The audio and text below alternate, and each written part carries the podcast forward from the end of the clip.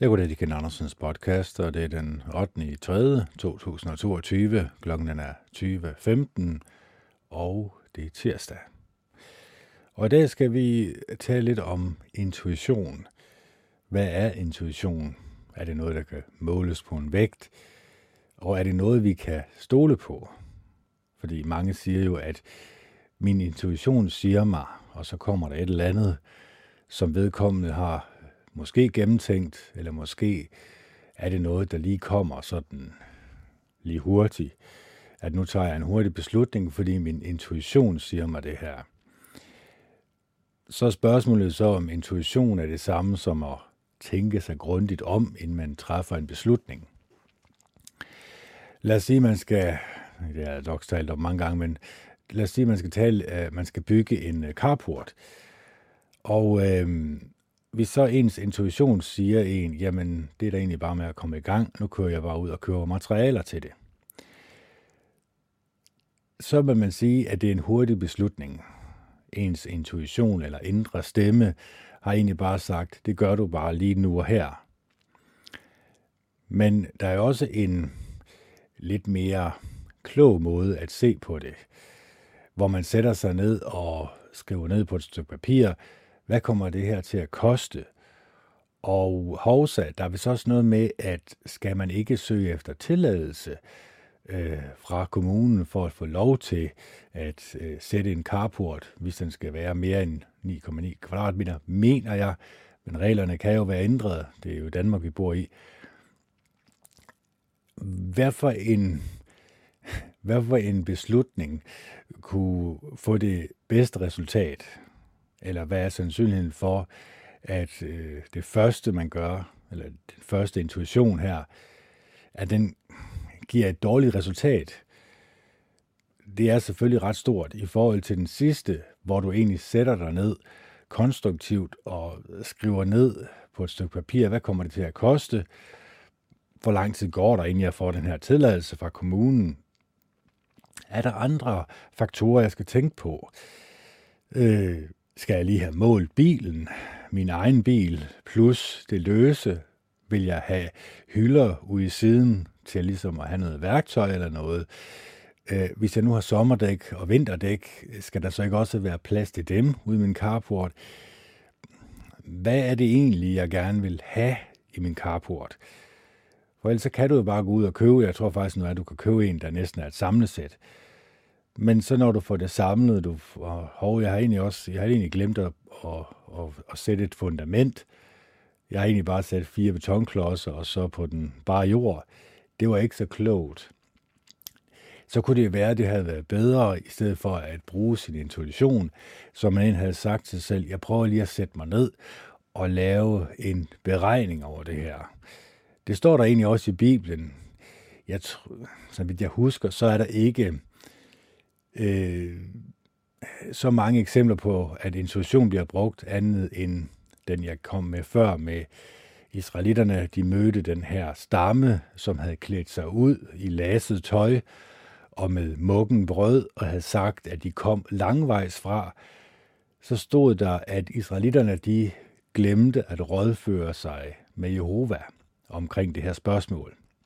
Og der havde de allerede lavet en fredsaftale med dem, Øh, så, så det havde de egentlig brugt deres intuition, kan man sige. Deres intuition sagde dem, at de var sandfærdige, de her mennesker, der kom. De troede, at de kom langvejs fra, men det var faktisk deres næsten deres naboer. Så, så der var i hvert fald ikke et eksempel på, at en, ens intuition kan bruges forkert.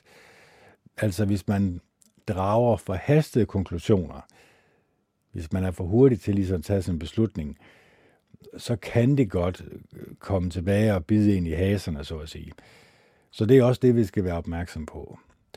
Så without further ado, så vil jeg prøve at læse noget op fra den her øh, bog, Lær at, læse, at lære at aflæse andre forudse deres adfærd, Joe Elena Dimitrius og Mark Mazzarelli.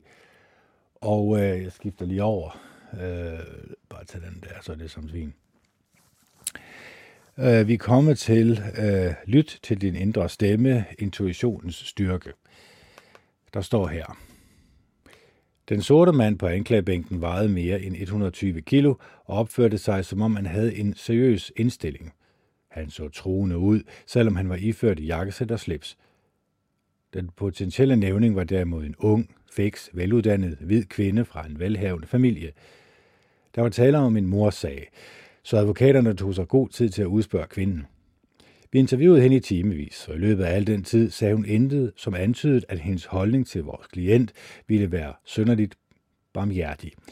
Jo mere vi erfaret om hendes baggrund, desto mere synes hun faktisk at passe til profilen hos en person, som sandsynligvis ville stemme for at sende vores klient i fængsel på livstid. Eller det, der er endnu værre. Hen imod slutningen på dagen vendte den ledende advokat i vores team sig om imod mig og trak på skulderen. Nå, sagde han. Hun er ude, er hun ikke. Det er jeg ikke så sikker på, svarede jeg. Det er måske en god idé at beholde hende. Der er stadig noget, der siger mig, at hun måske har et fordomsfrit sind. Af advokatens skeptiske ansigtsudtryk kunne jeg læse, at han ønskede en langt mere konkret årsag til at udpege kvinden som nævning. Han ville under ingen omstændigheder sætte sin klients liv på spil udelukkende på grund af en fornemmelse – den nat lå jeg i min seng og forsøgte at finde ud af, hvorfor min intuitive fornemmelse i relation til denne kvinde synes så meget stærkere end de objektive informationer om hende, som jeg havde fået oplyst i retssalen. Hvor stammede denne fornemmelse fra? Hvorfor havde jeg så stærk en følelse af, at det var rigtigt? De vurderinger af nævningene, som jeg foretager for mine klienter, er naturligvis alt for betydningsfulde til at lade til at lade afhænge af gætterier. Jeg gætter aldrig, når det gælder udvælgelsen af nævninge. Men intuition er ikke det samme som gætterier, og intuition har altid spillet en væsentlig rolle i mit arbejde. I årenes løb har jeg lært at være meget opmærksom på mine dybere fornemmelser for folk og situationer. Det er ofte sket, at pludselig glimt af intuition har ført mig til at drage konklusioner om mennesker, som i begyndelsen synes at være fuldstændig på kant med min rationelle tankegang – og ved fleste lejligheder har disse konklusioner vist sig at stemme. Som følge heraf er jeg blevet aldeles overbevist om, at intuitionen både er meget virkelig og meget stærk, og jeg ved, at den kan være til stor nytte, når det gælder om at tolke andre mennesker. Samtidig er jeg blevet overbevist om, at der ikke er noget særligt mystisk over den måde, hvorpå intuitionen fungerer – i modsætning til mange menneskers opfattelse, tror jeg, at intuition er en normal del af vores mentale udstyr, som de fleste af os simpelthen ikke forstår særligt godt. Hvis vi forstod den bedre, kunne vi bruge den oftere og mere effektivt. Efter mange menneskers opfattelse er intuition et eller andet specielt mystisk talent, der kun er skænket til nogle få udvalgte. Men jeg tror, at vi alle besidder nogle naturlige intuitive evner, og at vi alle kan øh, forbedre vores intuition i væsentlig grad, hvis vi arbejder på det. Jeg blev smiret, da The American Lawyer for nogle år siden kaldte mig den synske, på grund af min evne til at forstå nævningene og forudse deres adfærd. Og under tiden ville jeg ønske, at jeg rent faktisk havde en sjette sans. Det ville gøre mit arbejde, for ikke at nævne de øvrige dele af min tilværelse, meget lettere. Men jeg afgjorde ikke klaverjant. Min evne til at forudse menneskelig adfærd baserer sig ikke på en eller anden mystisk sjette sans, som jeg er den eneste, der besidder, men derimod på min brug af de almindelige fem sanser, som hver eneste menneske besidder. Det er ikke en sjette sans, men derimod nysgerrighed, koncentration, observation og deduktion, som har givet mig så meget succes i retssalene. Hvad er intuition? Selve ordet intuition er stærkt lavet med mystik og peger på en eller anden mental voodoo, som byder analyser eller beskrivelser trods det siges, at de professionelle spiritister bruger den til udførelsen af de mest forbløffende bedrifter lige fra at spå om folks fremtidige ægtefælder til at forudse verdensskæbne. Jeg må indrømme, at nogle af de ting, som spiritisme gør ved første øjekast, ser ganske imponerende ud. Men hvad er det lige nøjagtigt, spiritisterne gør? Hvis vi fjerner alt deres showbusiness, hvad er, der, så, hvad er det så for en proces, der fører dem til øh, disse tilsyneladende forbløffende konklusioner – hvis du ser nøje efter, vil du opdage, at spiritister ganske enkelt er personer, som er meget gode til at aflæse andre mennesker. De har lært sig selv til at være særligt følsomme over for de signaler, som folk sender om sig selv. Med tiden indsamler de en så stor mængde oplysninger om den menneskelig natur, at de bliver meget dygtige til at forbinde visse typer af menneskelige signaler med visse typer af menneskelig adfærd. De oplysninger, som vi indsamler, bliver lagret i hjernen på to forskellige måder. En del af dem bliver ved med at være bevidst viden, som de trækker på, og som de bruger i en klar erkendelse af, hvad det er, de foretager sig. Men størstedelen af deres viden glider ned i underbevidstheden, hvorpå spiritisterne kalder oplysningerne frem uden at være sig fuldt bevidst om den proces, der tillader dem at anvende dem. Det er årsagen til, at nogle spiritister utvivlsomt er oprigtige og opvist om, at de hører stemmer, når de foretager deres intuitive forudsigelser. De er simpelthen ikke klar, helt klar over, at den information, der sætter dem i stand til at træffe nøjagtige afgørelser om andre mennesker, oprindeligt bliver indsamlet af deres bevidsthed og derpå lavet i deres underbevidsthed. Deres talent er deres naturlige evne til at indsamle og oplære information og til at hente dem op fra underbevidstheden. Gennemsnit menneske lægger ikke snøje nøje mærke til sine sansindtryk og sine oplevelser. De fleste af dem mennesker vi ikke engang, Derfor bliver størstedelen af vores oplevelser med tilværelsen og andre mennesker deponeret bag underbevidsthedens uigennemtrængelige forhæng inden for få dage eller til med få øjeblikke efter, at vi har været udsat for dem. Disse oplevelser bliver en del af vores opladede viden, selvom vi ikke er bevidst opmærksom på dem. Hvis en bestemt hændelse engang har ført til en god eller dårlig oplevelse, vil et eller andet inde i os måske hejse det flag, som vi kalder intuition, når en lignende hændelse efterfølgende finder sted – dette flag kan antage forskellige skikkelser, déjà vu, uhemmet ængstelse, en syg fornemmelse i maven, når noget føles forkert, eller en opstemthed, når noget føles rigtigt. Det, som vi kalder intuition, er således næsten altid en tilsynekomst af en skjult erindring, en hændelse, som vi knap lægger mærke til, eller en kombination af de to ting. Fornemmelsen kommer ikke til os over den kosmiske æder, men stiger snarere op fra vores egen underbevidsthed – for at forbedre vores intuitive evner i væsentlig grad, behøver vi således ikke at gøre andet, end at finde nye måder, hvorpå vi kan indsamle informationer, lære dem og hente dem frem fra underbevidstheden. Og jeg vil selvfølgelig altid komme med en advarsel i min podcast. Når der er tale om spiritisme, så er det jo selvfølgelig det, der er underlagt dæmonerne. Så hvis du ikke vil under indflydelse af satanens dæmoner, så skal du holde dig fra spiritisme alt det, der har med det åndelige at gøre, øh, som ikke har noget med Jehova Gud, den almægtige at gøre, det hører ind under kategorien øh, øh Satan og hans dæmoner, som er ren ondskab. Og hvis man ikke holder sig fra det, så kommer man under indflydelse af dem, og så må man jo selvfølgelig også regne med, at det kan få nogle alvorlige konsekvenser øh, for ens liv, hvis man gør det. Men igen, det er jo bare en advarsel. En rensagelse af sindet. Vores underbevidsthed rummer i tusindvis af oplevelser og jagttagelser, næsten som en computer lærer information på harddisken. Men når vi bruger computeren, kan vi klikke på find-ikonet og omgående hente de ønskede oplysninger frem.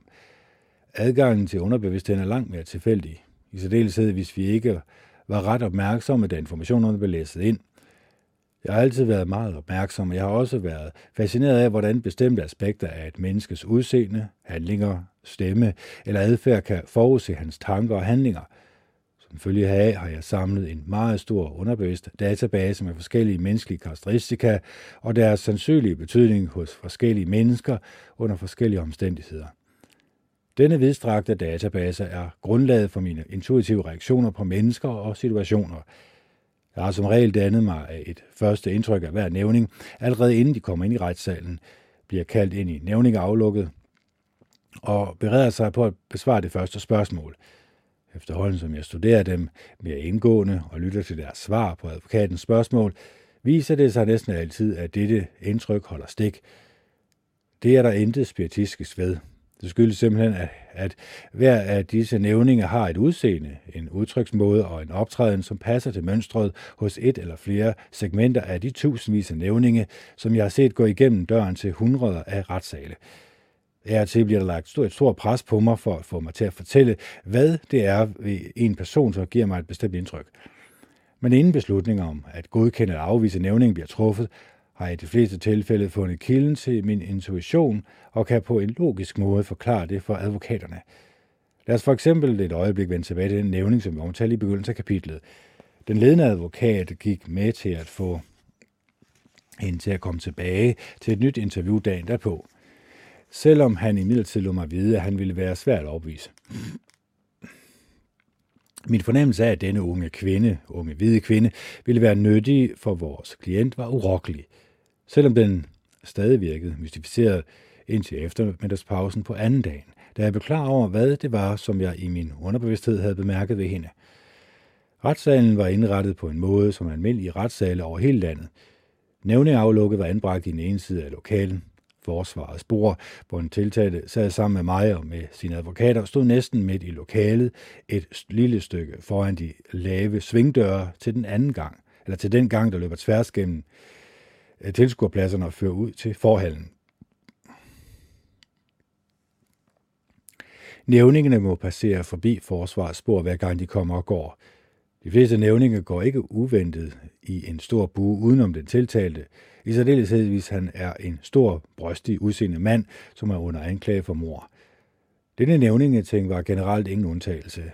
Nogle af nævningene så ud, som om de følte sig fristet til at springe over rækværket ved siden af nævning aflukket frem for at komme i nærheden af den tiltalte. Men den unge kvinde, som havde været genstand for min opmærksomhed og min frustration i de sidste to dage, vil ikke tilbage fra min klient. Hun synes at gøre sig af stor ulejlighed med at passere lige forbi ham, så tæt på ham, som han kunne have grebet fat i hende. Til forskel fra de fleste nævninger undlod hun desuden at vende blikket bort fra ham, men synes i stedet opsat på at grænske ham på tæt hold. Denne adfærd var virkelig usædvanlig under de givende omstændigheder. Da jeg har jagtet i tusindvis af nævninge gå forbi, eller rettere sagt udenom personer under anklage for brutale forbrydelser, var lavet i min underbevidsthed, fyldt med lignende billeder. Min underbevidsthed havde givet et signal, som om jeg ikke bevidst havde registreret, at denne kvindes adfærd var unormal i markant grad. Kvindens adfærd gjorde det klart, at hun ikke var bange for manden, som de fleste nævninge ville være, hvis de allerede havde dømt ham skyldig i mor. Desuden var hun tydeligvis hvidebegærlig og havde ikke dannet sig nogen ufravigen mening om ham. De opmærksomme blikke, som hun sendte ham, når hun gik forbi, røbede, at hun ønskede at vide, om han virkelig havde begået forbrydelsen, og at indsamle flest mulige oplysninger om ham. I hvert fald blev hun bedt om at afgøre det spørgsmål. Hvad mere kan vi forlange af nævningen? Så her var der noget, der havde sagt til vedkommende her, hans institution, eller hendes institution, der er to forfatter her, at, øh, at der var noget særligt ved kvinden her, der alle nævninge, de skulle, øh, når de skulle vælges ud, gå forbi den tiltalte meget tæt på os. Mens alle andre, de næsten ved udenom, kiggede bort fra klienten, så gjorde hun det modsatte. Hun var nysgerrig, og hun virkede, som om i hendes kropssprog i hvert fald, at hun øh, ikke ønskede at dømme vedkommende på forhånd. Og det havde øh, advokatens øh, intuition jo sagt. Der var ligesom et signal, der var kommet op, som han ikke rigtig kunne forstå, hvor det kom fra. Men det var jo fordi, at vedkommende havde haft i tusindvis, måske endda 10.000 vis af klienter og nævninge inde. Så der bliver man jo ret dygtig til at læse menneskers signaler. Så kommer vi til opbygning af din database. Da din intuition afhænger af kvaliteten og kvantiteten af dine informationer, ligger det første trin helt fast. Gør databasen bedre. En værdifuld database er fyldt med nyttige oplysninger, ikke tilfældige indtryk. I kapitel 1 og 2, vær beredt og find mønstret, forklarede vi dig, hvordan du kan indsamle informationer og skelne mellem væsentlige og uvæsentlige egenskaber. Andre kapitler har illustreret, hvordan du kan tolke forskellige karakteristika. Hvis du konsekvent praktiserer de nævnte teknikker, vil du automatisk fylde din database op med nyttige oplysninger. Du kan indsamle informationerne meget hurtigere, hvis du lægger mærke til alle de mennesker, du møder, og ikke blot dem, som betyder mest for dig. Hvis du er naturligt nysgerrig efter at få noget at vide om selv fremmede eller løse bekendtskaber, vil du allerede have et godt forspring – du må ikke være bange for taktfuld at spørge en eller anden om hendes tøj, smykker eller frisyrer. Hvis du ikke bryder dig om at kommentere det, kan du nøjes med at lægge mærke til det. Du kan drage stor nytte af din spørgelyst. Jo mere indgående du observerer alle dem, som du kommer i kontakt med, desto hurtigere vil du opdyrke, opdyrke din database. Det kan jeg illustrere med et modebudskab, som i de seneste år har bredt sig til hele verden. Ringen i øjenbrynet. Den første gang jeg så sådan en, var på gaden midt i Los Angeles. Den sad på en ung mand, som lignede leadgitarristen i et heavy metal rockband. Min første tanke var, Hvor underligt. Min anden tanke var, hvor må det have gjort ondt? Min nysgerrighed var vagt, og jeg begyndte at lægge mærke til andre mennesker med ringe i øjenbrynene. Jeg var opmærksom, uanset om personen var kassedame i supermarkedet, kasserer i banken eller medlem af den gruppe af unge mænd og kvinder, som holdt til på den lokale café. Jeg var nysgerrig efter at få at vide, hvorfor hver enkelt person havde valgt at få piercet et øjenbryn. Jeg bemærkede, hvorvidt hver enkelt person gav indtryk af at være konservativ, bohemiagtig, en smule uregerlig, intelligens, veluddannet, skør, respektfuld, beskidt, hvad som helst. Siden da har jeg set i hundredvis af ringe i øjenbrynene. Vi finder dem ikke så ofte hos de rå teenage-drenge, som vi gør hos unge piger, der i andre henseender ligner døtre fra middelklassen. Til forskel fra tatoveringer er det let at fjerne ringe fra øjenbrynene, og derfor giver de signaler om en mindre fundamental oprørsk natur. De fleste unge mennesker med piercede øjenbryn synes at være bohemiagtige, individualistiske, udtryksfulde typer, som sender et modebudskab, snarere et budskab af politisk eller kulturelle karakter. I de seneste år har jeg indsamlet et væsentligt lag af viden om folk med ringe i øjenbrynene. Jeg forventer ikke at få brug for det særligt ofte. Faktisk vil meget af denne viden måske forblive i min underbevidsthed for evigt. Men hvis en ung kvinde med ring i øjenbrynet henvendte sig på mit kontor i morgen for at søge en stilling som arbejde- eller arkivdame, ville min intuition sikkert bede mig om at bibeholde et åbent sind. Det kan godt være, at det ser underligt ud, men der er ingen grund til alarm, hvis alt andet synes at være i orden. Hvis du altid forfærdet er ved udenom folk med ringe i øjenbrynene, hvis du antog, at de alle sammen var en flok beskidte, arbejdsløse stofmisbrugere, må du ikke forvente meget hjælp fra din intuition. I så fald, i fald du på et tidspunkt får behov for at foretage en nøjagtig vurdering af en person med en sådan ring. Du har simpelthen ikke indsamlet en database, der er tilstrækkeligt omfattende til at kunne bede dig om at se ind bag klichéen. Næste gang du bliver klippet, opvarter en kunde eller spacerer hen ad gaden, bør du stoppe, kigge og lytte. Vær opmærksom. Sæt dig i kontakt med andre mennesker, eller jagte dem, eller jagte dem i det mindste. Læg mærke til eventuelle enestående karakteristika. Hvis du vil udvikle din intuition, er du nødt til at fortsætte med at kigge og lytte, indtil du får en fornemmelse af hele personen, indtil der udvikler sig et mønster. Hver gang du gør det, vil du fylde din database op med værdifulde informationer. Og næste gang, der kommer vi til stil ind på din intuition og skru op. Så intuition er jo egentlig, eller ifølge hende her i hvert fald, de oplysninger, vi har øh, samlet os, de indtryk, vi har samlet om andre mennesker, som egentlig får os til at tænke noget bestemt om vedkommende. Det kan jo være en ring i, i øjenbrynene her. Øh, det kan også være andre ting. Det kan være farvet hår. Det kan være så mange ting. Men som sagt, det kan også være et modefænomen. Det er klart, til at starte med, der var den her ring i øh, øjenbrynene jo nok et, et signal på, jeg skal lige have skiftet den her over, det var nok et signal på oprør. Altså, at man gjorde oprør mod forældrene. At man havde fået at vide, at man ikke måtte det her. Og så gjorde man det alligevel, fordi man jo ville jo ikke øh, glæde ens forældre længere, fordi man var blevet teenager. Man skulle ud og stå på egne ben, så at sige. Det var også det, som man kan sige, starten med øh, ring i ørerne var, men nu er det jo også helt normalt. Og man kan selvfølgelig også sige, at den her oprørske ånd, det er jo ikke noget, som Jehova Gud han øh, opfordrer til. Man kan sige, at når man får at vide, at man skal gå øh, klædt ordentligt og pænt, det står der direkte i Bibelen, jamen så gælder det vel egentlig også ens udseende og især ansigtet. Fordi det er klart, at hvis man har ringe i ørerne og næsen og øjenbrynene, jamen det fjerner jo egentlig fokus fra ens ansigt. Man har egentlig sagt til omverdenen, øh, se på mig på en helt anderledes måde, end du vil se på andre mennesker på. Og øh, den ånd kan vi selvfølgelig godt øh, blive smittet af.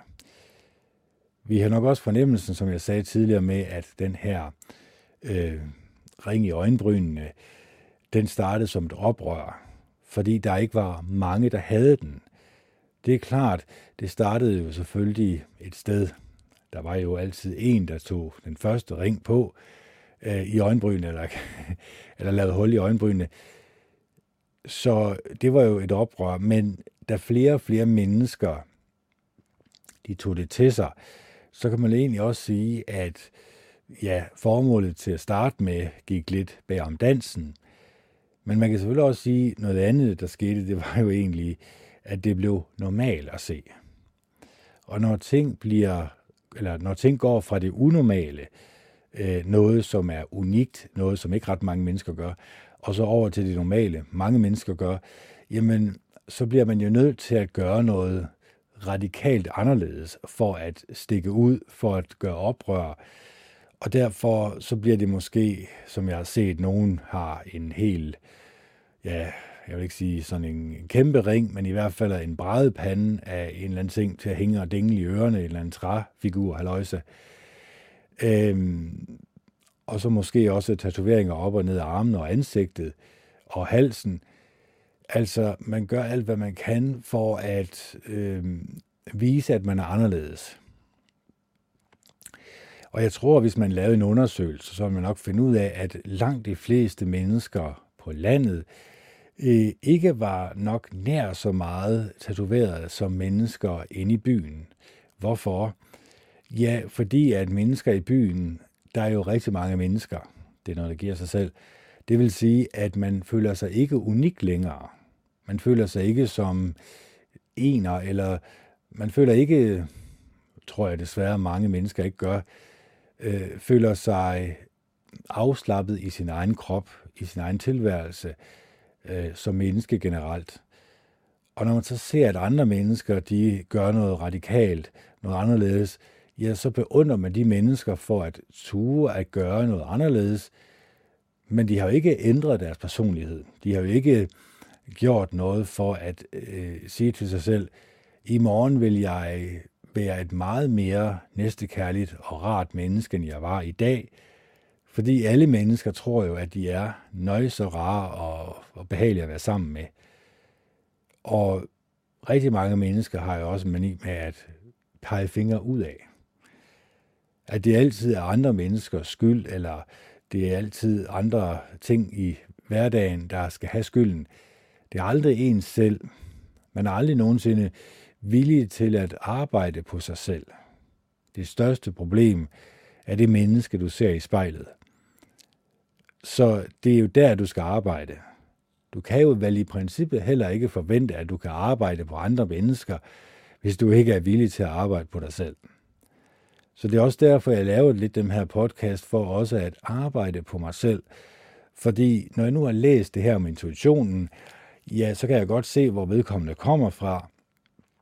Men jeg kan også se øh, de farer, der kan ligge ved at følge sin intuition, især når du går over i det spirituelle, som Jehova Gud på det kraftigste advar imod.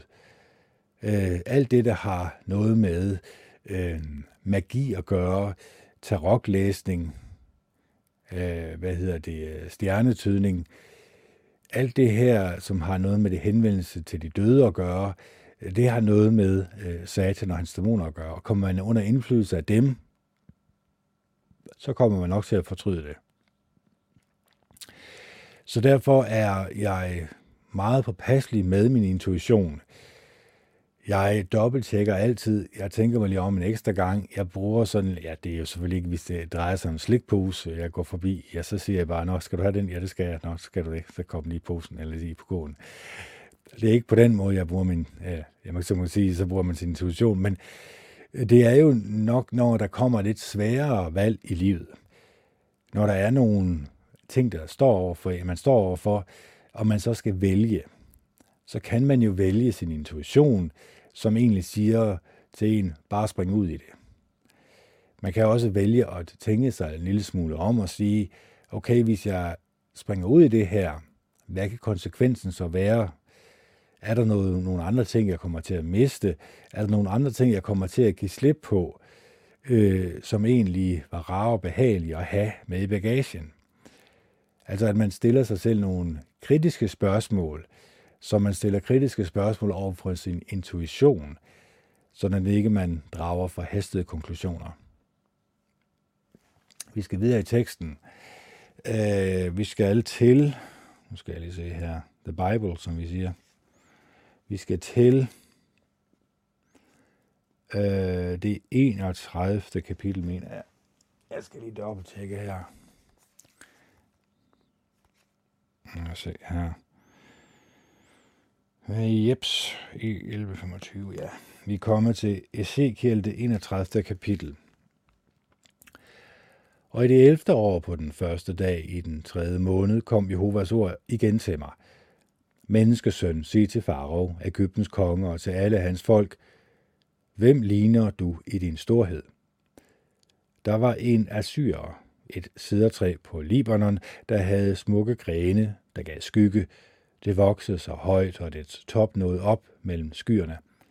Rigeligt vand fik det til at vokse så stort. De dybe vandkilder gjorde det højt. Der var vandstrømme omkring det, der hvor det var plantet. Kanalerne gav vand til alle markens træer. Derfor blev det højere end alle markens andre træer. Det fik flere og flere kviste, og dets grene blev lange, fordi der var meget vand i dets vandløb. Alle himlenes fugle byggede rede i træets grene. Alle markens vilde dyr fødte deres unger under dets kviste, og alle de folkerige nationer boede i dets skygge. Træet blev majestætisk i sin skønhed og med sine lange grene, for dets rødder nåede ned, hvor der var rigelig vand. Ingen andre sædertræ i Guds have kunne måle sig med det. Ingen af enebetræerne havde kviste som det, og ingen af platantræerne havde grene som det. Intet andet træ i Guds have var så smukt som det. Jeg gjorde træet smukt med dets tætte løv, og alle de andre træer i eden, den sande Guds have, misundte det. Hør derfor, hvad den suveræne Herre Jehova siger. Fordi det blev så højt, at dets top nåede op mellem skyerne, og dets hjerte blev stolt på grund af dets højde, vil jeg overgive det til nationernes mægtigste hersker. Han vil helt sikkert gribe ind over for det, og jeg vil forkaste det på grund af dets ondskab. Og fremmede, den mest brutale af alle nationer, vil fælde det, og de vil lade det ligge på bjergene, og dets løv skal falde ned i alle dalene, og dets grene vil ligge knækket i alle landets vandløb. Alle jordens folkeslag vil komme ud af dets skygge og forlade det. Alle himlenes fugle vil slå sig ned på den faldende stamme, og alle markens vilde dyr vil bo mellem dens grene. Sådan vil det være for, at ingen træer, der står ved vandet, skal vokse sig lige så høje, eller løfte deres top helt op mellem skyerne, ja, for at ingen træer, der står ved rigeligt vand, skal vokse helt derop. De vil nemlig alle blive overgivet til døden, til landets dybt nede, sammen med menneskene, der går ned i graven. Hør, hvad den suveræne Herre Jehova siger. Den dag træet går ned i graven, vil jeg sørge for, at der bliver holdt sorg. Jeg vil tildække det dybe vand og holde igen på alle dets vandløb, så det strømmende vand bliver holdt tilbage. Jeg vil lægge Libanon i mørke for dets skyld, og alle markens træer vil visne.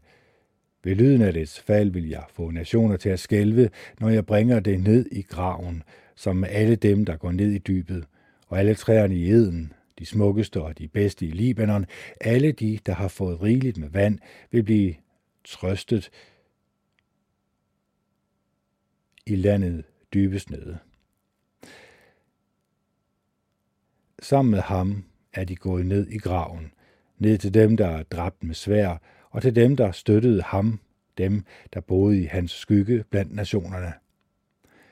Var nogen af træerne i eden som dig i pragt og storhed, Alligevel vil du blive ført ned til landet dybest nede sammen med træerne i eden. Du vil komme til at ligge blandt de uomskårne, dem, der er dræbt med svær. Sådan vil det gå med Faro, og alle hans folk erklærer den suveræne herre Jehova. 32. Og i det 12. år på den første dag i den 12. måned kom Jehovas ord igen til mig. Menneskesøn, Syng en sørgesang om Farao, Ægyptens konge, og sig til ham, du var som en stærk ungløv blandt nationerne, men nu er du bragt til tavshed. Du var som et havuhyre, der piskede rundt i dine floder, modrede vandet til med dine fødder og gjorde floderne plumrede. Hør, hvad den suveræne herre Jehova siger.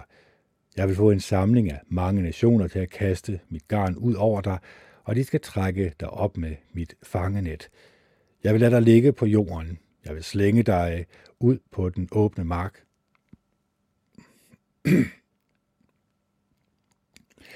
Jeg vil få alle himlenes fugle til at slå sig ned på dig, og jeg vil lade alle jordens vilde dyr æde af dig til de er mætte. Jeg vil kaste dit kød ud på bjergene og fylde dalene med det, der er tilbage af dig. Jeg vil gennembløde jorden med det blod, der flyder fra dig helt op til bjergene, og det vil fylde vandløbene. Og når jeg har slukket dit lys, vil jeg dække himlen til og formørke dit stjerner. Jeg vil trække skyer for solen, og månen vil ikke længere lyse. Jeg vil formørke alle himlens lysgiver på grund af dig, og jeg vil dække dit land med mørke, erklærer den suveræne Herre Jehova. Jeg vil gøre mange folkeslag chokerede, når jeg fører dine fanger ud til andre nationer, til lande du ikke har kendt. Jeg vil gøre mange nationer redselslagende, og på grund af dig vil deres konger skælve af angst, når jeg svinger mit svær foran dem. Den dag du falder, vil de blive ved med at ryste, fordi de alle frygter for deres liv. Hør, hvad den suveræne herre, Jehova, siger. Babylons konge vil ramme dig med sit svær. Jeg vil lade dit folk falde for stærke krigere og svær, for de mest brutale blandt alle nationerne. De vil rasere alt fra det, Ægypten er stolt af, og alle folk i landet vil blive udryddet. Jeg vil udrydde alle husdyr langs de strømmende vandløb i landet, og hverken fødder af mennesker eller klove af husdyr skal igen mudre vandet til. Til den tid vil jeg lade deres vandløb blive klare, og jeg vil få deres øh, floder til at flyde som olie, erklærer den suveræne herre Jehova. Når jeg gør Ægypten til en øde mark, et land, der er tomt for alt, hvad der var i det. Når jeg slår alle dets indbyggere ned, så skal de vide, at jeg er Jehova. Dette er en sørgesang, og den sang skal folk komme til at synge. Nationernes døtre vil synge med på den. De vil synge den om Ægypten og hele dets folk, erklærer den suveræne herre Jehova. I det 12. år på den 15. dag i måneden kom Jehovas ord igen til mig. Menneskesøn, græd over alle de mange mennesker i Ægypten, og fortæl landet, at både det og de stærke nationers døtre vil komme ned til stedet dybt nede, sammen med dem, der går ned i graven. Er du skønnere end nogen anden, gå ned og læg dig hos de uomskårne. Ægypterne vil falde blandt dem, der bliver dræbt med svær. Ægypten er overgivet til sværet. Slæb det væk sammen med alle dets folk. Fra graven vil de stærke krigere tale til Farve og hans hjælpere, som helt sikkert vil gå ned i dybet, dræbt med svær og lægge sig sammen med de andre uomskårne. Der ligger Assyrien allerede med alle sine indbyggere. De ligger i deres grave rundt om deres konge, alle faldet for sværet. Assyrernes gravsteder ligger nederst i dybet, med folket liggende rundt om landets grav. Alle er de dræbt af sværet, fordi de spredte frygt i det levendes land – der ligger Elam, og hele dets folk ligger rundt om dets grav, alle faldet for sværet. De, der spredte frygt i de levendes land, er gået uomskåret ned til landet dybt nede. Nu må de bære deres ydmygelse sammen med dem, der går ned i graven. Man har gjort et hvilested klar til Elam blandt de dræbte og til hele dets folk rundt omkring det. De er alle uomskårne, dræbt af sværet, fordi de spredte frygt i de levendes land – og de må bære deres ydmygelse sammen med dem, der går ned i graven. Mellem dem de dræbte er Elam blevet anbragt. Der er Meshek og Tubal med hele dets folk. De ligger i deres grave hele vejen rundt om deres konge. De er alle sammen uomskåret, gennemboret af sværet, fordi de spredte frygt i det levendes land. Kommer de ikke til at ligge sammen med de stærkt, med de stærke, uomskårne krigere, som er faldet, som er gået ned i graven, sammen med deres krigsvåben? Man vil lægge de stærke krigers svær under deres hoveder og udstille deres sønder oven på deres knogler, fordi de terroriserede de levendes land. Men hvad med dig, eller med, Men hvad dig angår, så vil du blive knust blandt de uomskårne, og du kommer til at ligge sammen med de andre, der er dræbt med svær. Der ligger Edom, dets konger og alle dets høvdinger. Selvom de var så stærke, blev de lagt hos dem, der er dræbt med svær.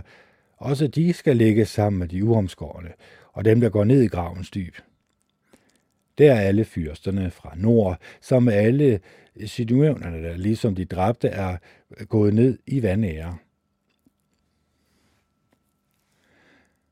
Trods den frygt, deres store magt spredte omkring dem, de vil ligge der som uomskårne, sammen med dem, der er dræbt af sværet, og de må bære deres ydmygelse sammen med dem, der går ned i gravens dyb. Alle dem vil farve komme til at møde, og det vil give ham trøst efter alt, hvad der er sket med hans mange folk. Faro og, hans, og hele hans hær vil blive dræbt af sværet, erklærer Jehova, den suveræne herre Jehova. Fordi Faro spredte frygt i de levendes land, vil han og hans mange folk blive lagt til hvile sammen med de uomskårne. Hos dem, der er dræbt af sværet, erklærer den suveræne herre Jehova. 33. Og Jehovas ord kom til mig. Menneskesøn, tal til dine landsmænd og sig til dem, Forestil jer, at jeg får et svær til at ramme landet, og at hele landets befolkning udpeger en mand til at være deres vagtpost, og han ser sværet komme over landet, blæser i hornet og advarer folket. Hvis en så hører lyden af hornet, men ikke lader sig advare, og han bliver dræbt af sværet, vil hans blod komme over hans eget hoved. Han hørte lyden af hornet, men han lod sig ikke advare. Hans blod vil komme over ham selv. Hvis han havde lyttet til advarslen, vil han blive reddet, eller vil han have reddet livet. Hvis vagtposten derimod ser, at sværet kommer, men han ikke blæser i hornet, og folket ikke bliver advaret, og sværet kommer og tager livet af en af dem, vil denne person dø på grund af sin egen synd, men hans blod vil jeg kræve tilbage af vagtposten. Det er dig, menneskesøn, jeg har udnævnt til vagtpost for Israels hus, og når du hører et ord fra min mund, skal du advare dem fra mig. Når jeg siger til en, der er ond, du onde menneske, du skal dø, men du ikke siger noget for at advare den onde, så han kan vende om fra sin kurs, vil han dø som et ondt menneske på grund af sin egen synd. Men hans blod vil jeg kræve tilbage af dig. Hvis du derimod advarer en, der er ond, så han kan vende om, men han nægter at ændre kurs, vil han dø på grund af sin synd, men du vil have reddet dit liv. Og du menneskesøn, sig til Israels hus, I har sagt, vores overtrædelser og synder hviler tungt på os og får os til at syne hen, så hvordan kan vi blive i live? Sig til dem, så sandt jeg lever, erklærer den suveræne herre Jehova. Jeg glæder mig ikke over, at de onde dør, men jeg glæder mig over, at en, der er ond, ændrer kurs og bliver i live. Vend om, vend om fra jeres onde veje, for hvorfor skulle I dø, Israels hus? Og du menneskesøn, sig til dit landsmænd, den retfærdige mands retfærdighed vil ikke redde ham, hvis han gør oprør, og den onde mands ondskab vil ikke gøre det af med ham, hvis han vender om fra sin ondskab. Den dag den retfærdige sønder vil hans retfærdighed ikke kunne redde hans liv.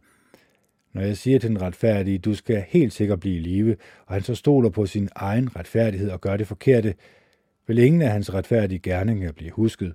Han skal dø på grund af det forkerte, han har gjort. Og når jeg siger til en, der er ond, du skal helt sikkert dø, og han så vender om fra sin søn og gør det, der er rigtigt og retfærdigt, og den onde giver det tilbage, han har taget i pant, tilbagebetaler det, han har stjålet, og følger livets love ved at holde sig fra det forkerte, vil han helt sikkert blive i live. Han skal ikke dø. En af de sønder, han har begået, vil han blive krævet til regnskab for, fordi han gør, hvad der er rigtigt og retfærdigt, vil han helt sikkert blive i live. Men dit folk har sagt, Jehova handler urimeligt, selvom det i virkeligheden er dem, der handler urimeligt. Når en, der er retfærdig, giver slip på sin retfærdighed og begynder at gøre det, der er forkert, skal han dø for det. Men når en, der er ond, vender om fra sin ondskab og gør, hvad der er rigtigt og retfærdigt, skal han blive i live, fordi han gør det. Men I har sagt, Jehova handler urimeligt. Jeg vil dømme jer hver især efter det, I gør, Israels hus. Så skete det i det 12. år på den 5. dag i den 10. måned, efter at vi var blevet ført i eksil, at der kom en flygtning fra Jerusalem til mig og sagde, byen er faldet. Om aftenen, inden flygtningen kom øh, til mig, var Jehovas hånd kommet over mig. Inden man kom til mig om morgenen, havde han åbnet min mund. Da min mund altså var blevet åbnet, var jeg ikke længere stum. Så kom Jehovas ord til mig. Menneskesøn, de der bor i disse ruiner, siger om Israels land, Abraham var bare en mand, og alligevel blev landet hans, men vi er mange, så det er da klart, at landet er blevet givet til os. Sig derfor til dem, hør hvad den suveræne herre Jehova siger. I spiser kød med blodet i, I ser tilbedende på jeres ægle afguder, og I bliver ved med at udgyde blod. Hvorfor skulle I have lov til at eje landet? I har stolet på jeres svær. I følger frastødende skikke, og I har alle sammen krænket jeres næstes kone. Så hvorfor skulle I have lov til at eje landet? Sådan skal du sige til dem. Hør, hvad den suveræne herre Jehova siger. Så sandt jeg lever, vil de, der bor i ruinerne, blive dræbt af sværet. Dem, der er i det åbne land, vil jeg give som føde til de vilde dyr. Og de, der er i fæstningerne øh, og i hulerne, vil dø af sygdom. Jeg vil gøre landet til en tom og øde vildmark. Det vil være slut med dets arrogance stolthed, eller arrogante stolthed.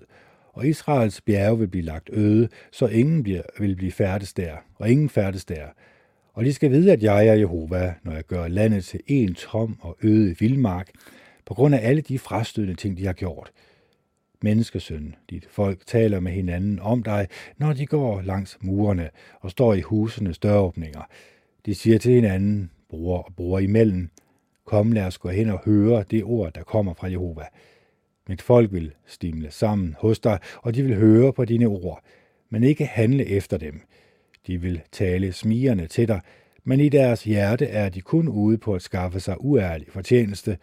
For dem er du som en, der synger en kærlighedssang, en, der synger godt og spiller smukt på et strenginstrument. De vil høre dine ord, men ingen af dem vil handle efter dem. Og når alt dette sker, og det vil ske, skal de vide, at der har været en profet iblandt dem.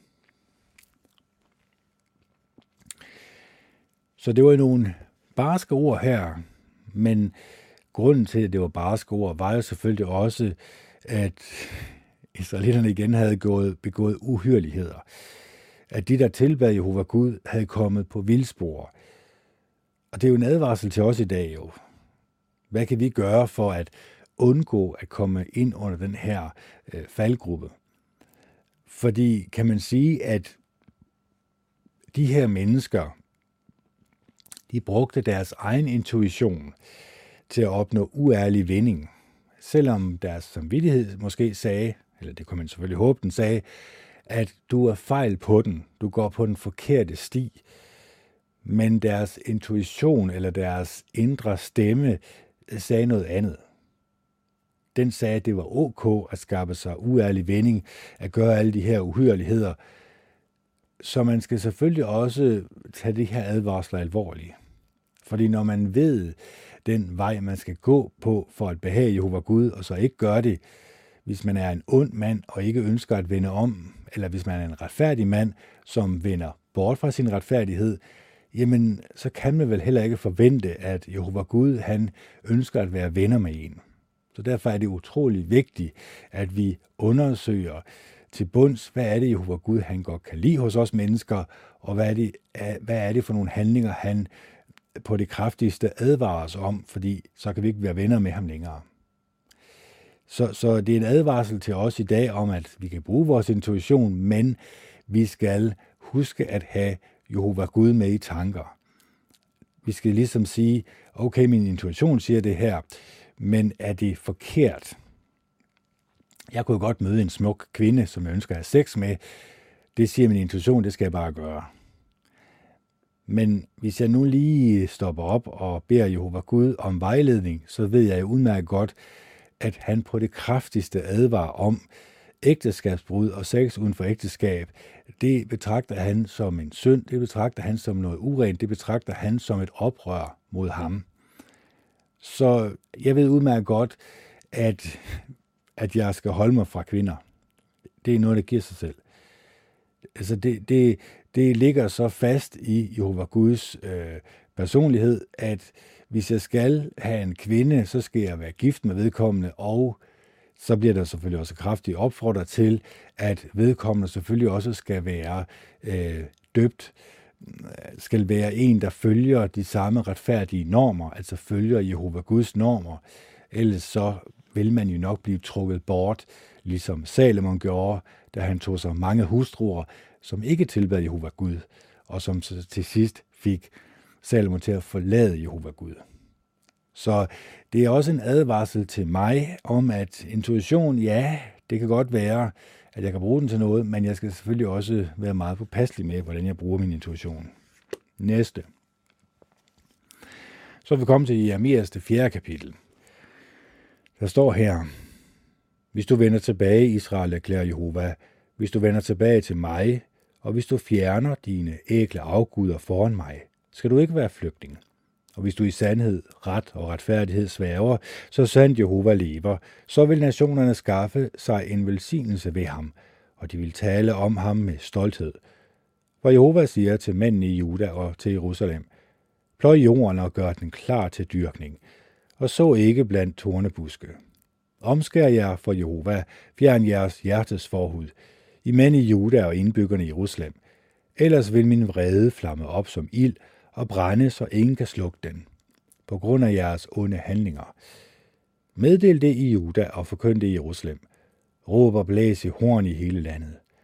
Råb højt, sammen jer og lad os flygte ind i de befæstede byer.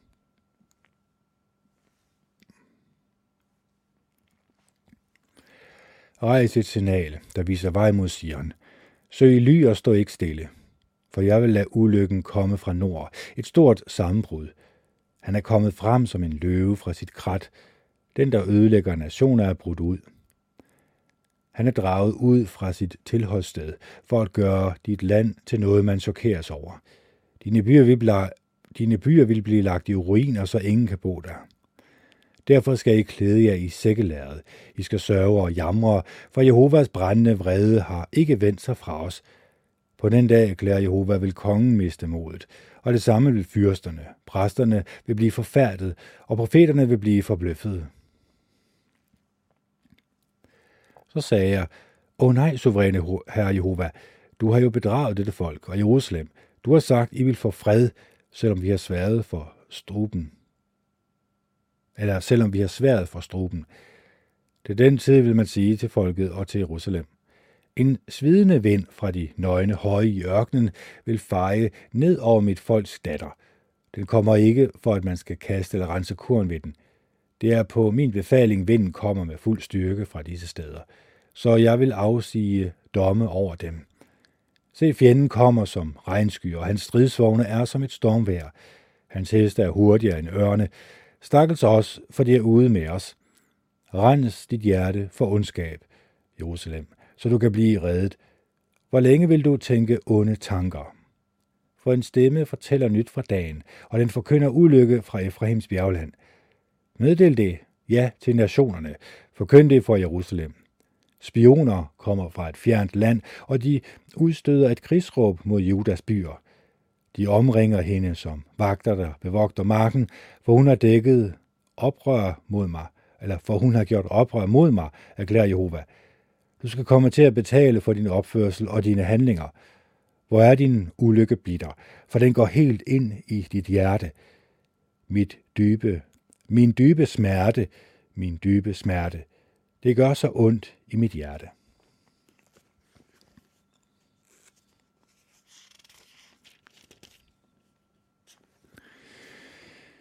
Mit hjerte hamrer i mit bryst. Jeg kan ikke tige stille, for jeg har hørt lyden af hornet, krigssignalet.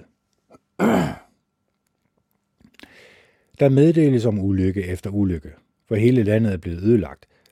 Pludselig bliver mine egne telte ødelagt, på et øjeblik mine teltdue. Hvor længe skal jeg se signalet, høre lyden af hornet? Mit folk er nemlig tåbeligt. De er ligeglade med mig. De er dumme børn, de forstår ikke noget. De er kloge nok, når det gælder om at gøre det onde, men de ved ikke, hvordan man gør det gode. Jeg så på landet, og det var tomt og øde. Jeg så op mod himlen, og lyset var væk. Jeg så på bjergene, og de rystede, og højene skælvede. Jeg så mig omkring, og der var ingen mennesker, og alle himlenes fugle var flygtet. Jeg så, at frugthaven var blevet en ørken, og alle dets byer var blevet revet ned. Det var på grund af Jehova, på grund af hans brændende vrede. For Jehova siger, hele landet skal lægges øde, men jeg vil ikke udslette det fuldstændigt. Derfor skal landet sørge, og himlen ovenover, ovenover skal blive mørkt. Det er fordi, jeg har sagt det og besluttet det. Jeg skifter ikke mening, og jeg opgiver det heller ikke. Ved lyden af rytteri og bueskytter flygter hele byen. De søger ind i krattet og kravler op på klipperne. Hver by er forladt, og der bor ingen i dem. Hvad vil du gøre nu, hvor du er blevet lagt øde? Du plejede at klæde dig i skalagen, at pynte dig med guldsmykker og at fremhæve dine øjne med sort sminke. Men, men du har gjort dig smuk til ingen nytte, og de, der begærer dig, har forkastet dig. Nu er de ude på at tage livet af dig. Jeg har nemlig hørt en lyd, som den, der kommer fra en kvinde i smerte. Et skrig som fra en kvinde, der føder sit første barn. Lyden af Sions datter, der gisper efter vejret. Hun breder hænderne ud og siger, Stakkels mig, for jeg er udmattet på grund af dem, der dræber. Vi skal også godt lige tage femeren. Gå rundt i Jerusalems gader. Se jer godt omkring. Led på tårne, se om I kan finde en, der gør det, der er rigtigt. En, der ønsker at være trofast, for så vil jeg tilgive byen. Selvom de siger, så sandt Jehova lever, så sværger de falsk. Jehova er dine øjne ikke på udkig efter trofasthed. Du slog dem, men det gjorde ikke indtryk på dem. Du tilindegjorde dem, med de nægtede at tage imod retledning. De gjorde deres ansigter hårdere end sten, og de nægtede at vende om. Men jeg sagde til mig selv, det må være dem, der ikke bliver regnet for noget. De opfører sig tåbeligt, for de kender ikke Jehovas vej, deres Guds krav. Jeg vil gå til de fremtrædende og tale med dem, for de må da kende Jehovas vej, deres Guds krav. Men de havde alle sammen brudt ået og revet båndene over. Det er grunden til, at en løve fra skoven angriber dem. En ulv fra ørkensletten haver dem. En leopard ligger på lur ved deres byer. En hver, der går ud af en by, bliver flået i stykker, for deres overtrædelser er mange, deres troløse handlinger er talrige. Hvordan kan jeg tilgive dig, dine sønner har svigtet mig, og de sværger ikke, og de sværger ved noget, som ikke er Gud. Jeg gav dem det, de havde brug for, men de blev ved med at begå ægteskabsbrud, og de flokkedes om en prostituerets hus. De er som løsne, brunstige heste, de vrinsker efter en anden mands hustru. Skulle jeg ikke kræve dem til regnskab for det, erklærer Jehova. Skulle jeg ikke hævne mig på sådan en nation? Drage op imod terrasserne i hendes vingård og ødelægge dem, men udslet dem ikke fuldstændig. Fjern hendes spirende ranker, for de tilhører ikke Jehova. For Israels hus og Judas hus har virkelig været forræderisk over for mig, erklærer Jehova.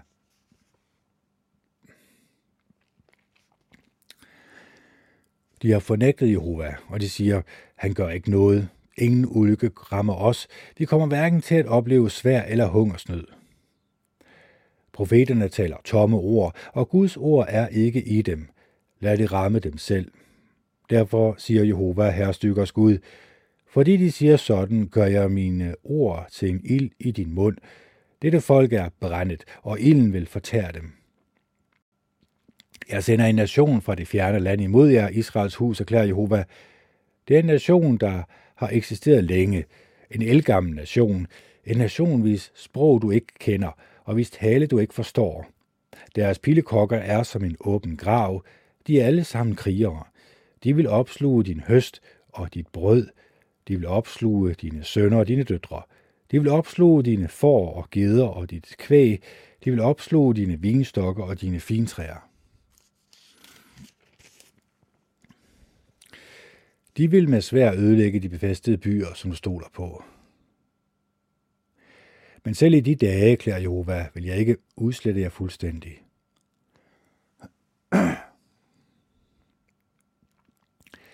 Og når de spørger, hvorfor har Jehova vores Gud gjort alt det mod os, skal du svare, på samme måde som I svigtede mig for at tjene en fremmed Gud i jeres land, vil I komme til at tjene fremmed i et land, der ikke er jeres. Meddel dette i Jakobs hus og forkynd det i Juda. Hør du tåbelige og ufornuftige folk, som har, som har øjne, men ikke kan se, som har ører, men ikke kan høre. Frygter ikke mig, erklærer Jehova. Burde I ikke skælve foran mig?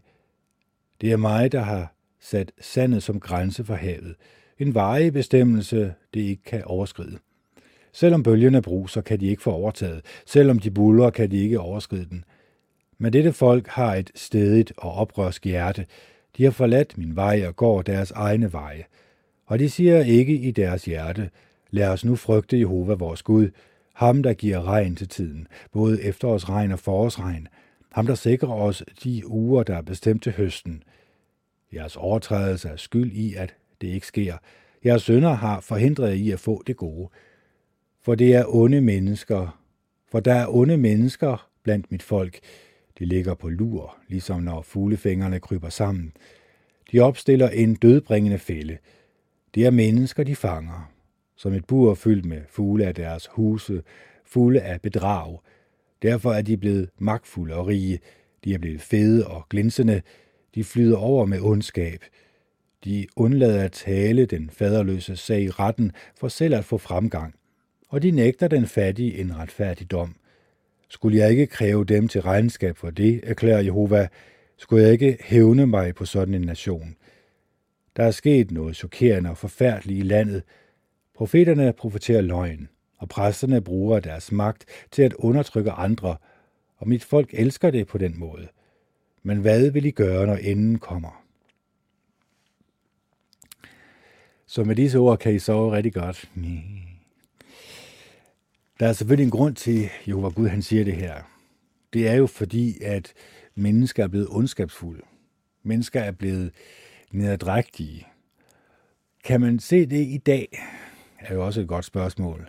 Fordi på det her tidspunkt, hvis man spoler tiden tilbage, hvis man tog tilbage i en tidsmaskine, så vil man nok genkende til, at de mennesker, Jehova Gud han taler om, er ondskabsfulde, er onde mennesker, øh, er bedrageriske og øh, gør ikke, hvad der er ret i Jehova Guds øjne. Så derfor er der også en grund til, at han bringer de her straffedomme over dem. Hvad med i dag? Jehova Gud han eksisterer jo stadigvæk. Altså alle mennesker, alle 7,8 milliarder mennesker, vi stammer jo alle sammen fra det samme sted. Vi stammer fra et æg og en sædcelle, som så også stammer fra et æg og en sædcelle, som så også stammer fra et æg og en sædcelle, osv. osv. Det vil sige, at vi stammer fra noget, som kunne placeres på toppen af knapnålshovedet. Det kunne så også placeres på toppen af knapnålshovedet, det er vores far og vores mor. Det kunne så også placeres på toppen af knapnålshovedet, det er vores bedstefar og bedstemor, og så videre og så videre. Det ser jeg jo som rimelig intelligent lavet, derfor er der selvfølgelig en intelligent skaber bag.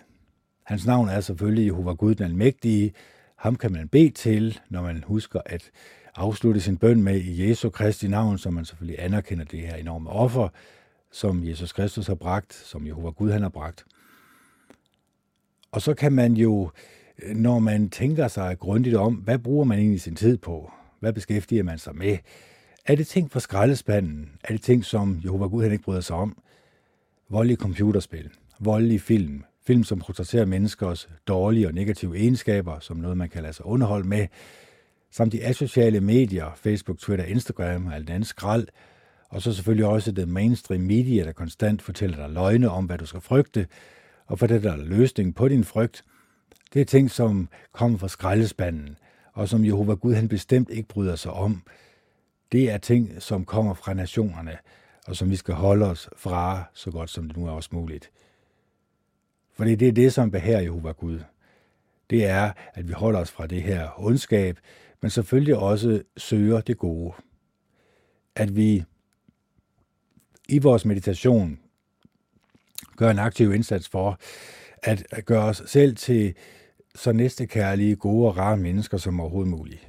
Mennesker, som tænker sig om, inden de taler, som ønsker det bedste for sine medmennesker, som ønsker, at øh, du skal have det godt og rart, at dit liv skal være fyldt med gode og rare oplevelser, gode og rare venner, som også vælter det bedste, at vi skaber et samfund, hvor det er kærligheden til medmenneskerne, der er det centrale. Og ikke den her forkvablede, ondskabsfulde øh, manipulation, vi er inde under. Altså det er jo en manipulation, at vi mennesker, vi udsætter os selv for.